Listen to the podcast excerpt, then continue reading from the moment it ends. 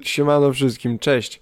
Sorry za ostatni tydzień, ale czasowo się z moim gościem nie wyrobiłem, więc y, jestem teraz tutaj z wami. Nie, spokojnie, nie zostawię was z niczym przed świętami. Mam bardzo dobre wieści.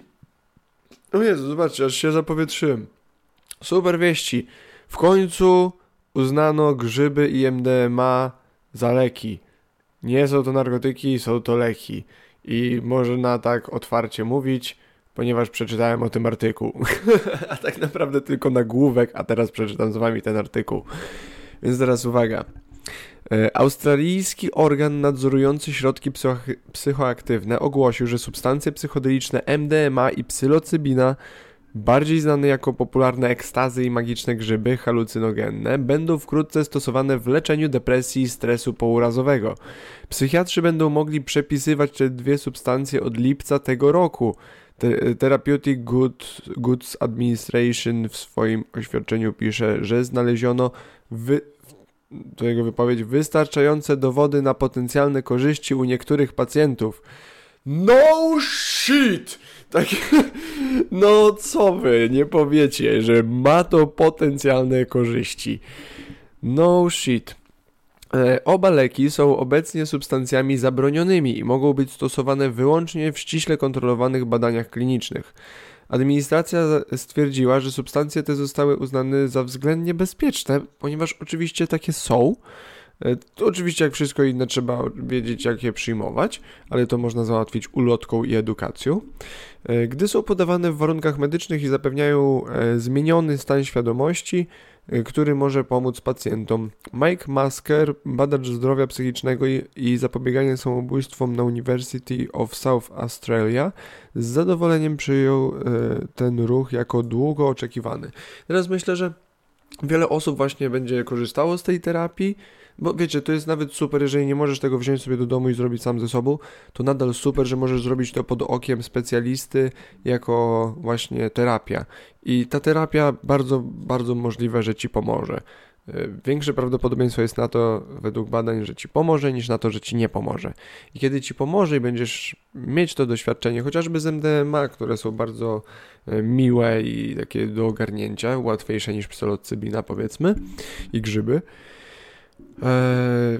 w takim wypadku będziesz mogła powiedzieć innym osobom, że takie hej, że to mi pomogło. Inne osoby też tego doświadczą i im to pomoże i wtedy ich rodzina zobaczy, że to im pomogło i ta stygma się powiedzmy e, obniży i to doprowadzi do legalizacji, w której żaden przeciętny obywatel nie będzie karany czy nie będzie miał utrudnionego dostępu do bezpiecznej, czystej substancji, która mogę, może niesamowicie wzbogacić jego doświadczenie życiowe i pomóc mu poradzić sobie z problemami, jakie ma gdzieś tam ze sobą i swoim życiem.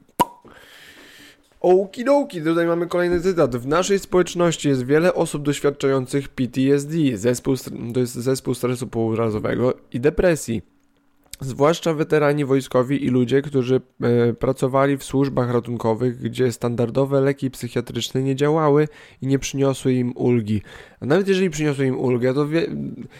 nie, nie mówię, że każdy, ale myślę, że dużo osób zna kogoś, kto zaczął brać psychotropy i bardzo powiedzmy mm, przygasł jako osoba.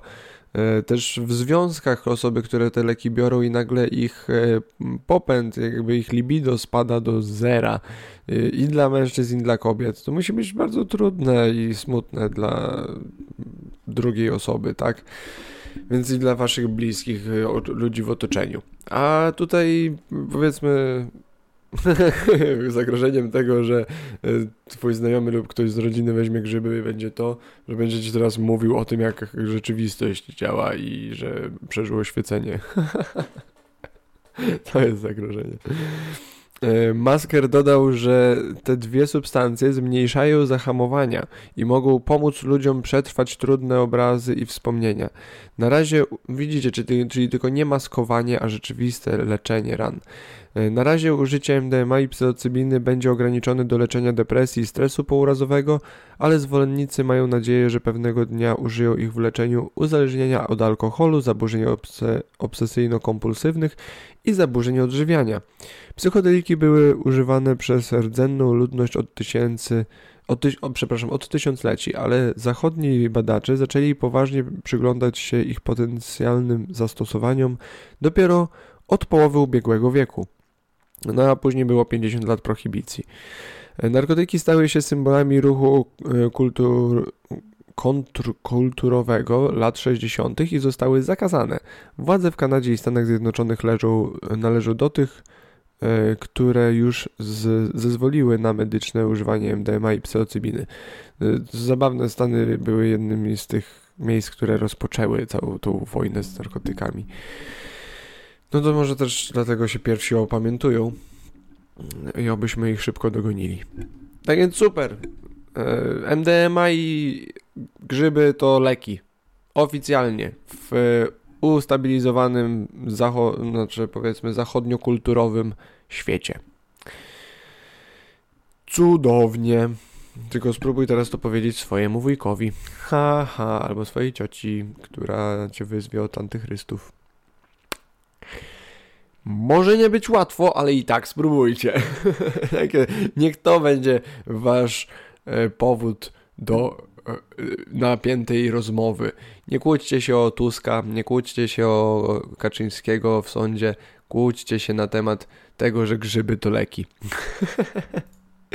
to jest, to jest coś, za co warto, warto walczyć. Co do kłócenia się na święta. Czy ktokolwiek w tych czasach jeszcze czuje święta? Mi się wydaje, że już nawet dzieci nie czują świąt, że to wszystko jest tak sprzedane, nie ma nawet śniegu, takie... Co, co te dzieci wiedzą o świętach? Czy ktokolwiek z nas jeszcze coś wie o świętach? Takie... Jest to fajny powód, żeby się spotkać z rodziną i tak dalej, ale czy te tradycje... Czy to nie jest właśnie już taka po prostu komercha? Że to jest właśnie jakaś data do świętowania, tak jak jest to Sylwester, tak jak jest, są to walentynki, tak jak jest to y, Wielkanoc, czy na święto niepodległości, czy Halloween. Dziwne, że w wakacje nie ma żadnych takich świąt. Nie? By się przydały jakieś wakacje. E, w każdym razie. Czy ktokolwiek to jeszcze czuje? Ja mam wrażenie, że takie, o no święta, jedzie się, robi się to, je się tamto i się wraca i życie leci dalej. Kiedyś by naprawdę się czekało na święta, na to wolne i tak dalej. Teraz jakoś tak wszystko pędzi. Hmm, może właśnie przez to, że ludzie nie potrafią się tak zatrzymać? Albo trwa to, to albo ten, ten stop trwa tak krótko, że ludzie nie są w stanie się na nim skupić, go poczuć. Na, na przykład pierwsze dwa tygodnie pandemii. Pierwsze dwa tygodnie pandemii takie były, że wszyscy mogli tak uff, odpocząć, jakby się wyciszyć, y, sprawdzić, czy wszystko ok z ich rodziną, ich bliskimi. Jakoś tak było ciepło i miło i fajnie. A później ludzie zaczęli tracić oszczędności i się dowiedzieli, że mogą nie wrócić do pracy i tak dalej, więc e, zaczęła się panika i złość. Może takiego, takiej właśnie przerwy potrzebujemy. Może wszyscy potrzebujemy takiej przerwy jak dzieciaki, po prostu tydzień od świąt do Sylwestra. Dajmy se siana. Takie róć, róbmy zapasy przez miesiąc. Sklepy będą otwarte po połowę czasu, co normalnie i w tym czasie, żeby wszyscy mogli jak najlepiej skorzystać. I tak będziemy mogli sobie trochę wychillować. Fajnie by było. Nie? To, jest, to nie jest chyba zły plan. Jak zrobili niehandlową niedzielę, to czemu mieliby nie zrobić po prostu zamiast, zamiast niehandlowych niedziel, zróbmy tydzień wolnego po prostu, tak? Zróbmy tydzień y, chill, chill outu między świętami a Sylwestrem. O, Myślę, że to by ludziom pomogło rzeczywiście. Poza tym, jeżeli, dobra, jeżeli tak pierdolę i wam smucę konia strasznie, to powiedzcie mi, jak, co, co dla was sprawia, że takie, o, czujecie święta, wracacie do domu i to jest jakaś potrawa, którą wasza mama robi, czy to jest, czy to są lampki u was w domu wiszące, czy, co, czym dla was są święta? Co dla was sprawia, że jeszcze macie takie, o, duch świąt jeszcze żyje, istnieje? Bo ja nie wiem, czy jeszcze coś takiego mam. To jest smutne dla mnie strasznie. Chciałbym coś takiego mieć. Myślę, że śnieg. Może jakby jest śnieg i mróz na święta, to bym to czuł. Ale teraz go nie ma. Więc ciężko stwierdzić. Właśnie, co do braku śniegu też. Jakby ja, jak nie wiecie, ja pochodzę z samego końca Mazur. I ja na zimę zawsze miałem chuj śniegu, bardzo dużo śniegu i było zimno. I to dla mnie było normalne, jak dopiero byłem trochę starszy i się dowiedziałem, że na zachodzie bardziej Polski nie ma tyle śniegu, to byłem zdziwiony i myślałem, że mega dużo tracą. To powiedziawszy, masa roboty i pamiętam jak byłem mały, moja ciocia, która mieszka w Nowym Jorku, miała właśnie takie bardzo luźne zimy, że tam deszcz padał często zimą w grudniu i nie było zbytnio śniegu na święta dużo, a jak było to trochę tylko go napadało. I jakoś tak jak już miałem 15, 16, 17 lat, to zaczęło się to odwracać i nagle tam w Nowym Jorku zaczęły padać śniegi, które miały po tam pół metra wysokości, 30 centymetrów albo metr i tak dalej. A u nas zaczęły być takie dupo zimy, takie chlapa, taki deszcz ze śniegiem, może z tydzień, dwa mrozu i tego typu rzeczy. Tak jak teraz to mniej więcej wygląda na zewnątrz. I ciekaw jestem, czy czy inni ludzie też to zauważyli, czy, bo wiecie, no jakby ktoś się kłóci, że nie, zmiana klimatu, że tam pierdolenie, nie ma zmiany klimatu. Takie widać, kurwa, że jest zmiana klimatu. Ja żyję już na tyle długo, żeby móc spojrzeć wstecz i mieć takie, ej, kiedyś było inaczej. Takie nawet w miejscu, w którym żyłem, które jest dużo bardziej zimne niż tutaj, kiedy, gdzie teraz jestem, nadal tam nie ma takiej sytuacji, jaka była za mojego dzieciństwa. Więc zmiana klimatyczna jest jak najbardziej prawdziwa. E, tylko znowu to nie jest moim zdaniem wymówka do ograniczenia wolności ludzkiej. Jak wiecie, teraz chcą nam wprowadzić brak spalin i tak dalej. Oczywiście powinno się prowadzić do bardziej ekologicznego świata, ale nie kosztem ludzkim. Jakby dlaczego e, elity światowe, ludzie najbogatsi, których jest najmniej. No, Prawdą jest, że nigdy nie było tak wielu bogatych ludzi jak w dzisiejszych czasach i to jest super. Wszyscy powinni być bogaci, wszyscy powinni mieć, żyć w dostatku. Prawda. E, ale nie możemy jakby opierać zmian dla całej ludzkości, patrząc na stan i dobrobyt właśnie tej nielicznej grupy ludzi, bo to nie wyjdzie. Jakby, albo będzie to się działo właśnie pogłębianiem e, desperacji i tej różnicy w stanie życia tych mniej zamożnych i bardziej. Nie, nie uważam, że powinno to tak działać. Jeżeli chcą nam wprowadzić brak spalin, elektryczne to, tamto i nie możesz e, podróżować, to czemu akurat wszyscy w Europie mamy to robić? Dlaczego Afryka, Azja, w której palą tysiące ton opon na przykład? Czemu tam się sprawą nie zajmiecie. Dlatego ja cały czas mówię, że jestem za tą perspektywą e, tego statystyka z Szwecji czy Szwajcarii. Bjorn Jorgensen się chyba nazywa i on mówi, że żeby poradzić, żeby zająć się ekologią, musimy zająć się biedą. Jeżeli zmniejszymy poziom biedy na świecie dla wszystkich, to możemy zacząć mówić o ekologii. Ale mądrze gadam. E, ponieważ kraje, które teraz zajmują się powiedzmy ogarnianiem ekologii, tak to nazwijmy, e, to są kraje wysoko rozwinięte. Osoba, która nie może się wyżywić, nie może ogrzać swojego domu, nie będzie się prze, przejmować e, naszą ekologią, tak? Nie będzie się przejmować czystym powietrzem, bo musi przeżyć i przeżyje w największym syfie, jeżeli będzie musiała. Więc to nie, to nie zadziała. Trzeba najpierw wszystkim pomóc dojść do stanu, w którym będziemy mogli e, zmienić e, swoje nawyki. Że będziemy mieli luksus tego, żeby zmienić te nawyki na zdrowsze. O, w ten sposób. Ale wydaje mi się, że żeby to się stało, trzeba właśnie rozłożyć trochę bardziej równomiernie zasoby i środki na świecie.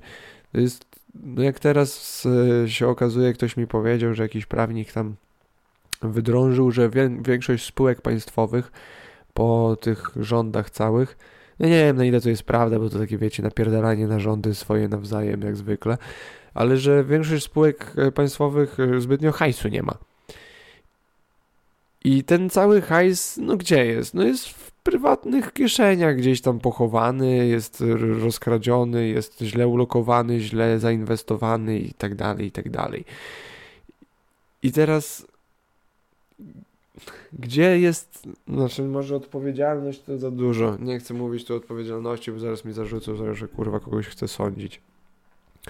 Po prostu jest dużo głupoty w tym, jak my wydajemy te pieniądze. Gdyby to wszystko po prostu było mądrze ulokowane i, i może szczerze, szczodrze, a nie chciwo e, zagarnięte, wszystkim by wystarczyło. Ludzie mówią, że nie ma dla wszystkich wystarczająco ziemi, nie ma dla wszystkich wystarczająco dużo pieniędzy, złota, jedzenia, energii. Jest! Mi się wydaje, że jak najbardziej jest, tylko musimy po prostu troszeczkę mądrzej nią zarządzać i rozdysponowywać. Ale znowu, ten, temu się należy bardziej, bo ten ciężej pracował, ten jest nierób i tak dalej. Jasne, no ale nie powinniśmy się zatruwać nawzajem i sobie szkodzić, tak?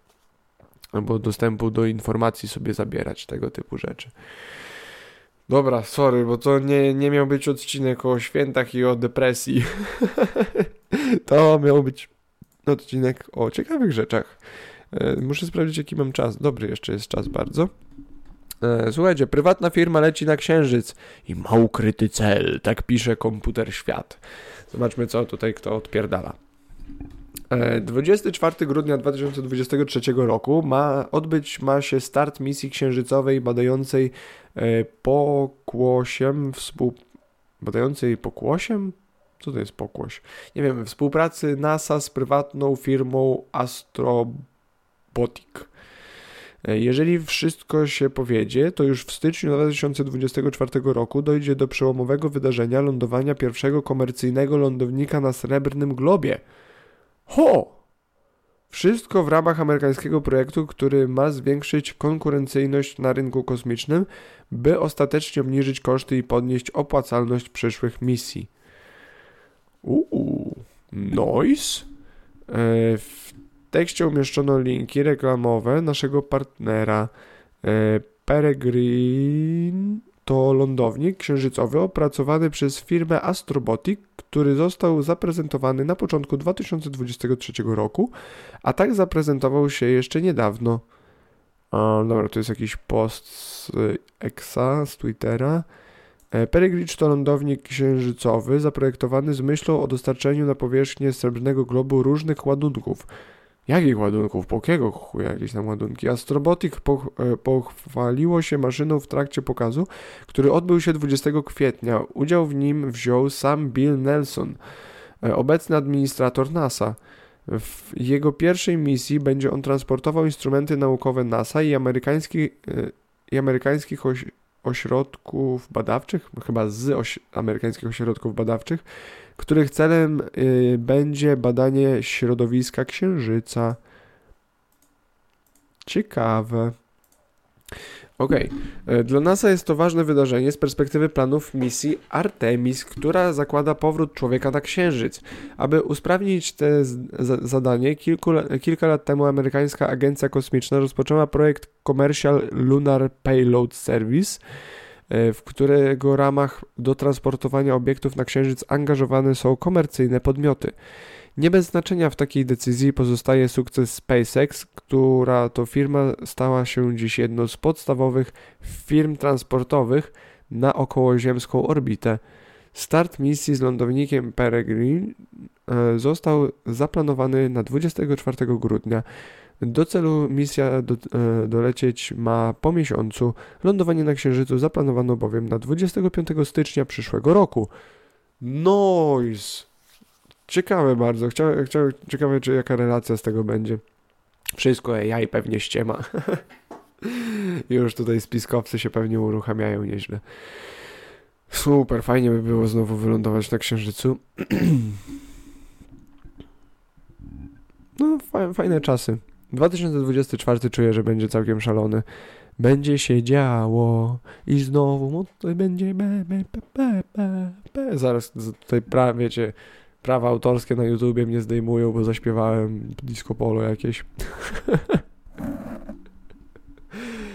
Okej, okay, będziemy latać w kosmos. Sztos.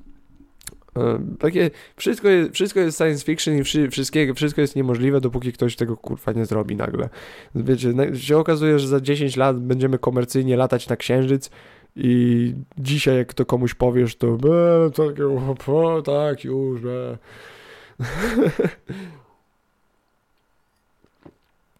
Myślę, że ludzie za mało o abstrakcji myślą, żeby przyjąć coś takiego do wiadomości. Albo ciekaw jestem, czy jak ludzie, bo czasami powiesz coś tak szalonego człowiekowi i on ma takie, no tak, jakie, jak po prostu to akceptujesz? Chociaż w sumie, tak, myślę, że tak, można to tak po prostu zaakceptować. Zależy jaki stan się ma obecnie. Jeżeli masz tam głowę zawaloną innymi rzeczami, to przyjmujesz tą wiadomość, masz takie, no tak, ale kiedy skupisz się na tym, wyobrazisz sobie, co to znaczy, że to będzie możliwe, no to zaczynasz otwierać oczy, mieć takie wow. A jeżeli ktoś tak nie ma i nie umie, to trochę smutne i szkoda. Anyhow, e, kolejna sprawa, o której chciałem Wam powiedzieć, to teleskop Webba, który odkrył żłobek drogi mlecznej. Naukowcy nie mieli o nim pojęcia. Znowu odkrywamy coś w kosmosie, super.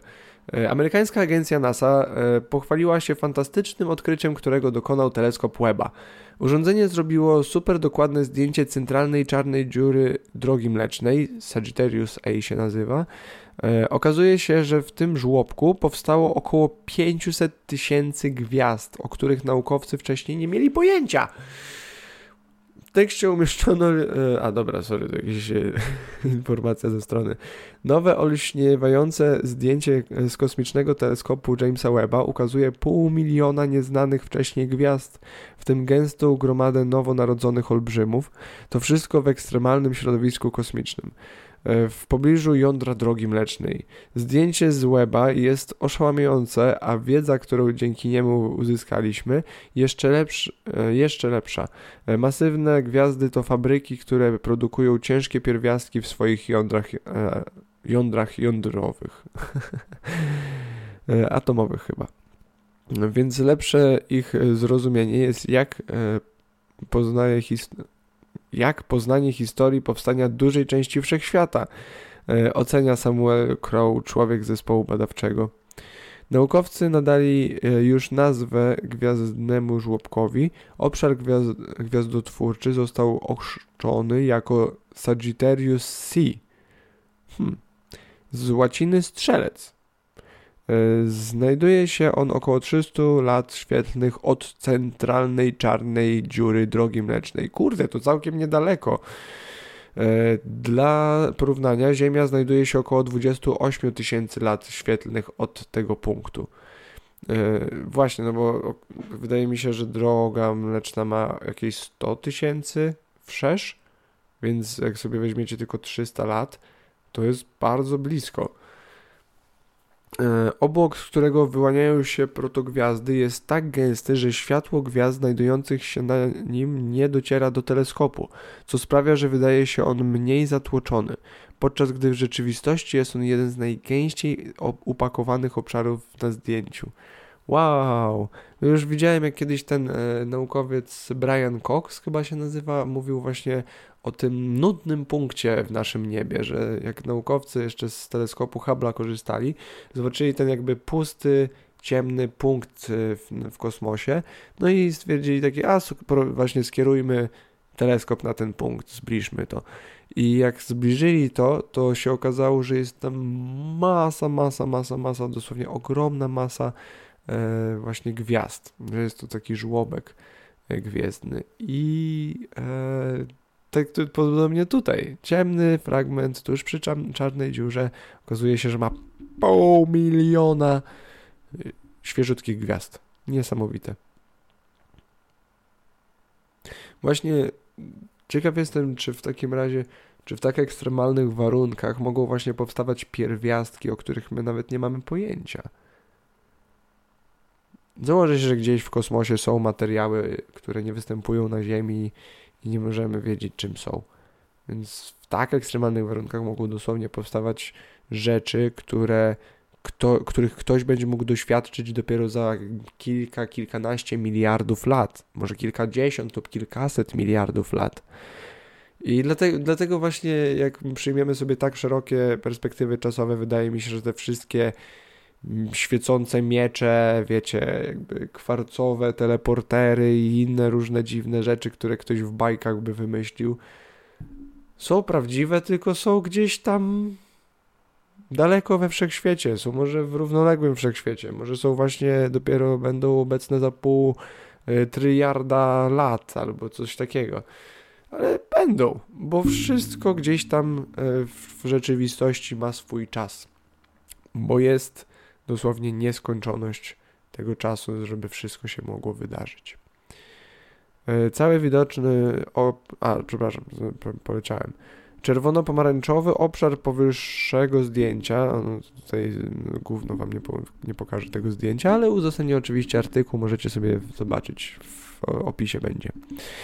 E, czerwono-pomarańczowy obszar z powyższego zdjęcia to gromada tworzących się dopiero gwiazd. Niebieski kolor na zdjęciu to niewidzialny wcześniej teren zjonizowanego gazu wodorowego. Tu widzicie Webb, znowu nam, James Webb, ten teleskop znowu nam pokazuje. Teleskop Jamesa Webba dokładniej.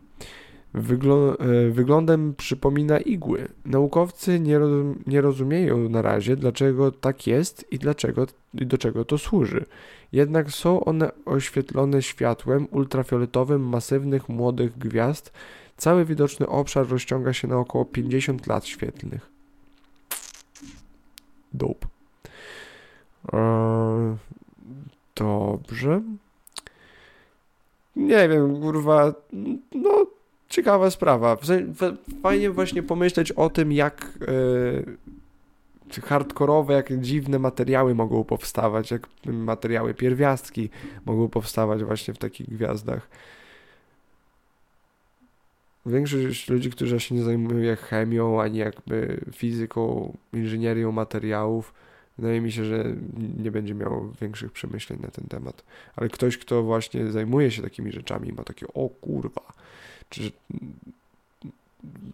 łącząc ze sobą pierwiastki, można prze, przestawiając bardzo e, małe, powiedzmy, robiąc małe zmiany w cząsteczkach, można uzyskać bardzo różne właściwości różnych substancji, materiałów itd. Tak więc e, każdy dodatkowy materiał do manipulacji, powiedzmy, tymi cząsteczkami będzie bardzo po pomocny, no i będzie w sumie e, tak pomocny, jak wykaże jego właśnie funkcjonalność i kreatywność inżynierów, którzy będą z nim pracować. Tak mi się wydaje. Dobra. Yy, ostatnia ciekawostka na dziś. Yy, w Mierzynie odkryto chatę sprzed ponad 7000 lat. 5000 lat przed narodzinami Jezusa. Jest jakby bardzo dawno. I teraz to, to, nie jest jakaś tam zwykła chata, słuchajcie tego. Wielką chatę o długości 45 metrów odkryto podczas badań archeologicznych w Mierzynie. To pałac, tak wielki dom określa archeolog Marcin Dzie, e, Dziewanowski, który prowadzi badania w miejscu, gdzie ma powstać współczesne osiedle. E, mamy tutaj do czynienia z chatą monumentalną kultury ceramiki e, wstęgowej, rytej. Ona funkcjonowała w latach 5600 do 4950 przed naszą erą. Taka chata, na, czyli może mieć nawet 7,5 tysiąca lat. Na podstawie ceramiki jest datowana mniej więcej na rok, ok, 5100, 5050 przed naszą erą, mówi Dziewanowski. E, wielka chata była zbudowana w konstrukcji słupowej. Słupy były ogromne. W obrębie jam konstrukcyjnych, e, które zostały wówczas wykopane, osadzono te słupy.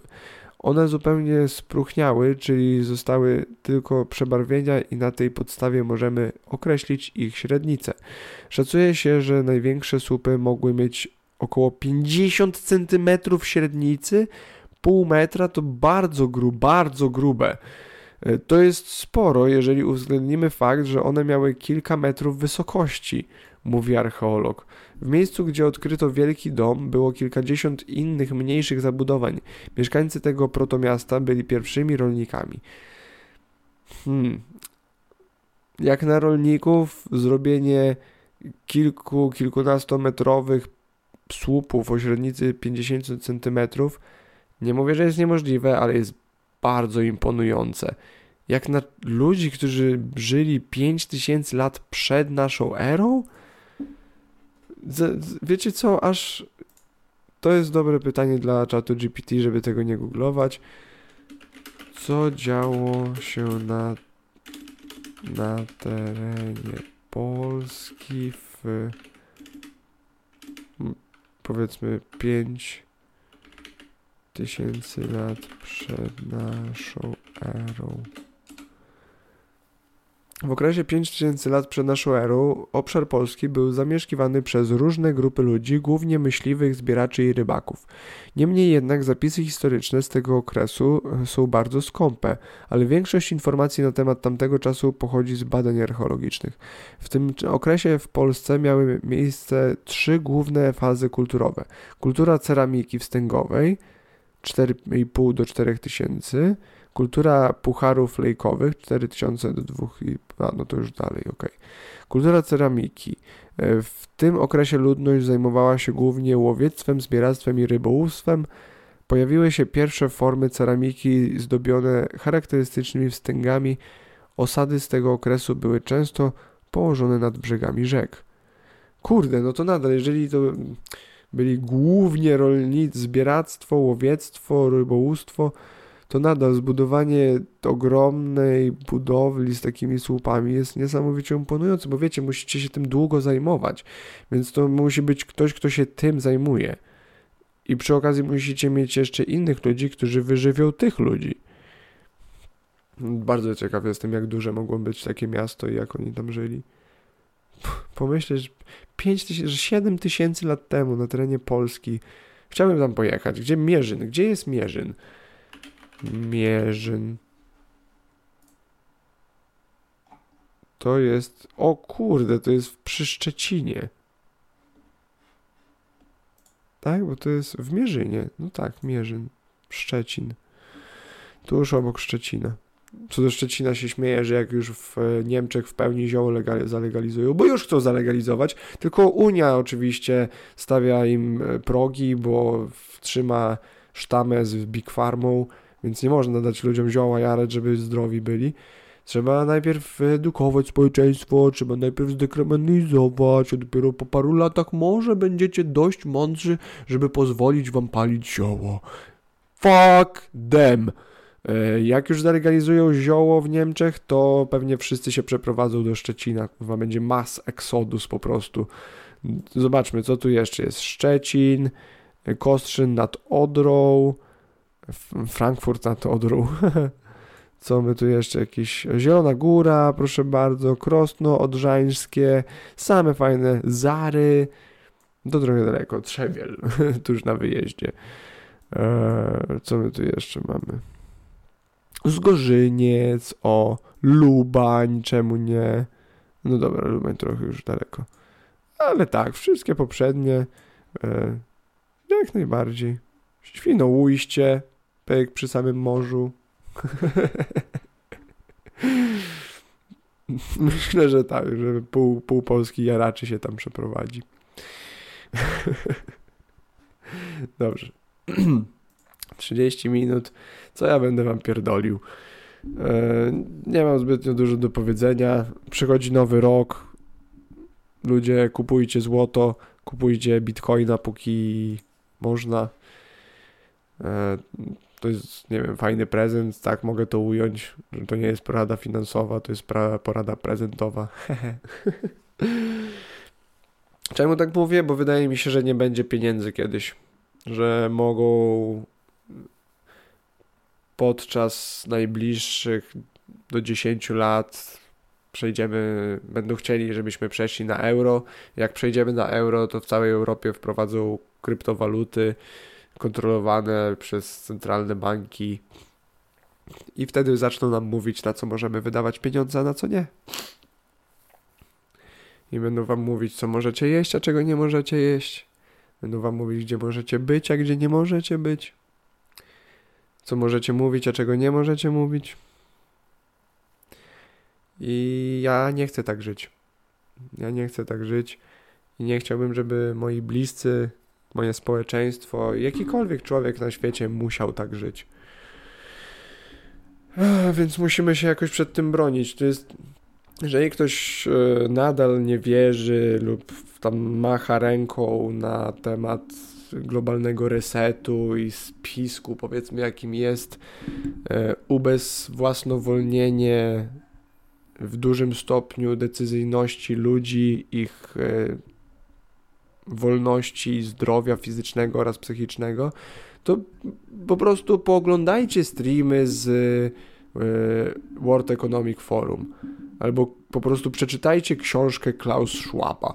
Takie ci ludzie, globaliści, dosłownie ogrom politycy, prezesi korporacji, właściciele tych korporacji, bankierzy spotykają się ze sobą. I to nie, to nie jest żart, po prostu wiecie, to jest spotkanie, to są zwykli ludzie, oni się też spotykają, muszą jeść i tak dalej. I sobie gadają, są wykształceni, są obyci, są oczytani, obeznani w świecie, w polityce i w biznesie, więc rozmawiają sobie ze sobą i myślą tak, tak i tak pewnie będzie wyglądał świat, mamy takie i takie rzeczy. Na przykład Klaus Schwab mówi, że będziemy mieli tak wysoką zdolność obliczeniową i predykcyjną w przyszłości, że w sumie robienie wyborów jest bez sensu, bo możemy e, dokładnie przewidzieć z minimalnym błędem, praktycznie niemożliwym do osiągnięcia, e, kto wygra te wybory. Więc po co w ogóle robić wybory? No i to jest takie zgubne podejście, bo kiedy przyjmiemy, że o, jeżeli możemy przewidzieć w 99% coś, to znaczy, że to zawsze będzie prawda. No nie, bo właśnie jakaś randomowe jakieś zdarzenie w rzeczywistości może sprawić, że ten, ten 1% się wydarzy, że jednak coś tam będzie inaczej. I przez to właśnie, to jest nasza ludzkość. Właśnie to jest, myślę, też taka magia życia trochę i naszej świadomości, że nie wiemy do końca, co się stanie. I zawsze może się coś randomowego stać. I to daje jakiś sens. Czemu się nie zabijesz w sumie, skoro wiesz, już, już ma, możesz sobie wyobrazić całe życie do przodu. Wydaje mi się, że właśnie dlatego, że nie możemy tego zrobić, e, to nadaje sens naszemu życiu w ogóle tworzy nasze życie. A jeżeli przyjmiemy sobie, stworzymy modele, które będą sterować naszym życiem, ponieważ jesteśmy prawie pewni, że tak powinniśmy żyć, no to wydaje mi się, że zabierzemy sobie tą właśnie wolność. Wolność, dosłownie wolność, która nadaje sens naszemu życiu. Nie dajcie sobie tego zrobić. Nie dajcie mi tego zrobić. Jeżeli nie lubicie siebie, to przynajmniej lubcie mnie na tyle, żeby nie dać mi i osobie, którą kochacie, tego zrobić. Bo ja lubię moje mięsko i ja lubię mój dom i ja lubię jechać gdzie chcę, jeżeli mogę. No, no kurwa, czy ja mogę jechać gdzie chcę? I tak nie mam na to pieniędzy. I tak nie, nie mam samochodu. Paliwo jest drogie, bilety, wszystko kurwa. I tak nie możesz. Aż przejebane. Nie no, żartuję, wiecie, zawsze mogę zapierdalać jak szalony i sobie na to oszczędzić i to zrobić. Więc to jest moja wolność i jestem za nią niesamowicie wdzięczny. A, ale no jednak przy, drugą w sumie prawdą jest to, że jesteśmy w jakimś takim systemie niewolniczym. Jak wcześniej powiedziałem, mamy dość energii, dość technologii, dość miejsca, żeby wszystkim było dobrze ale nie chcemy, żeby było nam wszystkim dobrze. Robimy sobie nawzajem na złość i tak dalej. Nie traktujemy siebie dobrze, nie traktujemy innych dobrze i tak sobie robimy taki świat. Jak na przykład ten gość, chłopak młody wy, włamał się i jakby wypuścił e, ten zwiastun GTA 6 szybciej. No i złapali go i się okazało, że on już też ma kilka innych włamań na koncie, e, jest hakerem i jest autystyczny trochę. Nie trochę, jest po prostu ma stwierdzony autyzm, jest genialnym hakerem, się włamuje na jakieś platformy gier, firmy i, i robi śmieszne rzeczy. I w sumie ktoś by powiedział, że o, ktoś przez niego stracił dużo pieniędzy. Jakby te firmy sobie żyją, nic im nie jest, po pierwsze. Po drugie, to jest dzieciak ma, chłopak ma 18 lat i jest autystyczny, jakby nie, wiecie, nie chcę robić z ludzi autystycznych e, jakichś potworów, absolutnie nic z tych rzeczy, ale jakby inaczej troszeczkę przetwarzają informacje niż my, powiedzmy przeciętnie ludzie, e, więc e, trzeba też troszeczkę inaczej na to spojrzeć I teraz zamiast dać mu pracę, zamiast go wyuczyć, jakby może wyleczyć na tyle, żeby można było go przewidzieć, że nam nie zrobi krzywdy, to co? Wsadzili go, sędzia stwierdził, że jest no, niebezpieczny dla społeczeństwa, więc trzeba wsadzić go do psychiatryka, no i wsadzili go do, do specjalnego szpitala na wieczność, na dożywocie. Nie wiem, czy kiedyś stamtąd wyjdzie, oby stamtąd wyszedł. Oczywiście nie, nie, nie życzę nikomu, żeby był wsadzony do klatki czy do szpitala na wieczność, na całe życie. Ale na... Ale z drugiej strony muszę też, no jak wiecie, ten sędzia patrzy, taki no chłopak jest bardzo młody i włamuje się i na strony jakichś producentów gier i tak dalej. Czy ten chłopak, jeżeli zostanie pozostawiony na wolności bez nadzoru, czy on w wieku 20, 30, czy 40, czy 50 lat nie będzie na tyle zaindoktrynowany przez TikToka, przez jakieś inne podmioty, które dobiorą mu się do dupy, żeby dla beki na przykład nie wyłączyć prądu w połowie miasta, żeby nagle nie odpalić jakiegoś alarmu yy, bombowego w, nie wiem, na jakiejś plaży. Po prostu, bo nie wiem, dla śmiechu, albo żeby sprawdzić, co się stanie, zrobić coś po prostu szalonego. Nie wiem, albo zacznie pomagać ludziom i, no nie wiem, zmieni wypłaty wszystkim pracownikom jakiejś korporacji. tak, i ją zbankrutuje i wszyscy stracą pracę. E, no, nie, nie, nie możemy przewidzieć, co może się stać, więc pewnie stąd taka decyzja sędziego i ciężko mi jest taką decyzję też ocenić. No mówię, nie chcę nikogo wsadzać do klatki na całe życie, ale są geniusze, którzy mogą być właśnie bardzo niebezpieczni w dzisiejszych czasach, kiedy wszystko jest tak powiedzmy połączone przez sieć, przez internet i z, tak z, powiedzmy zinform... Boże, zinformatyzowane.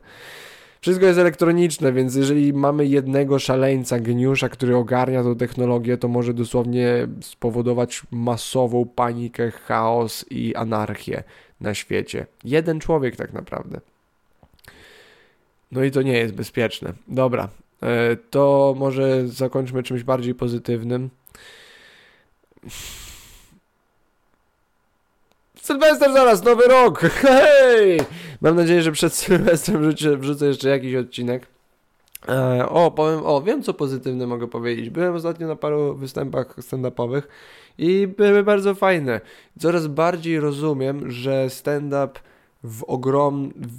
jakby rozumiałem to już dawno, ale teraz widzę, doświadczam tego, w jak dużej mierze stand-up tworzy publiczność.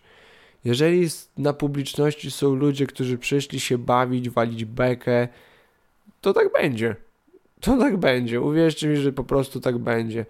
A no oczywiście komik też musi być zabawny, jakby nie wykluczam tu tego absolutnie. Żarty muszą być zabawne, jakby komik musi mieć charyzmę i tak dalej. To jest oczywiste, że idziecie na występ, chcecie, żeby ktoś się naprodukował, tak, bo zapłaciliście mu za to.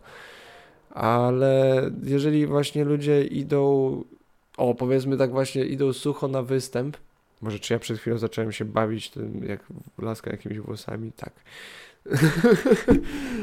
Dla ludzi, którzy tylko słuchają, mam czapkę z takimi warkoczykami i tym zacząłem się bawić. E, no nie wiem. Zapomniałem już, kurwa. Nieważne.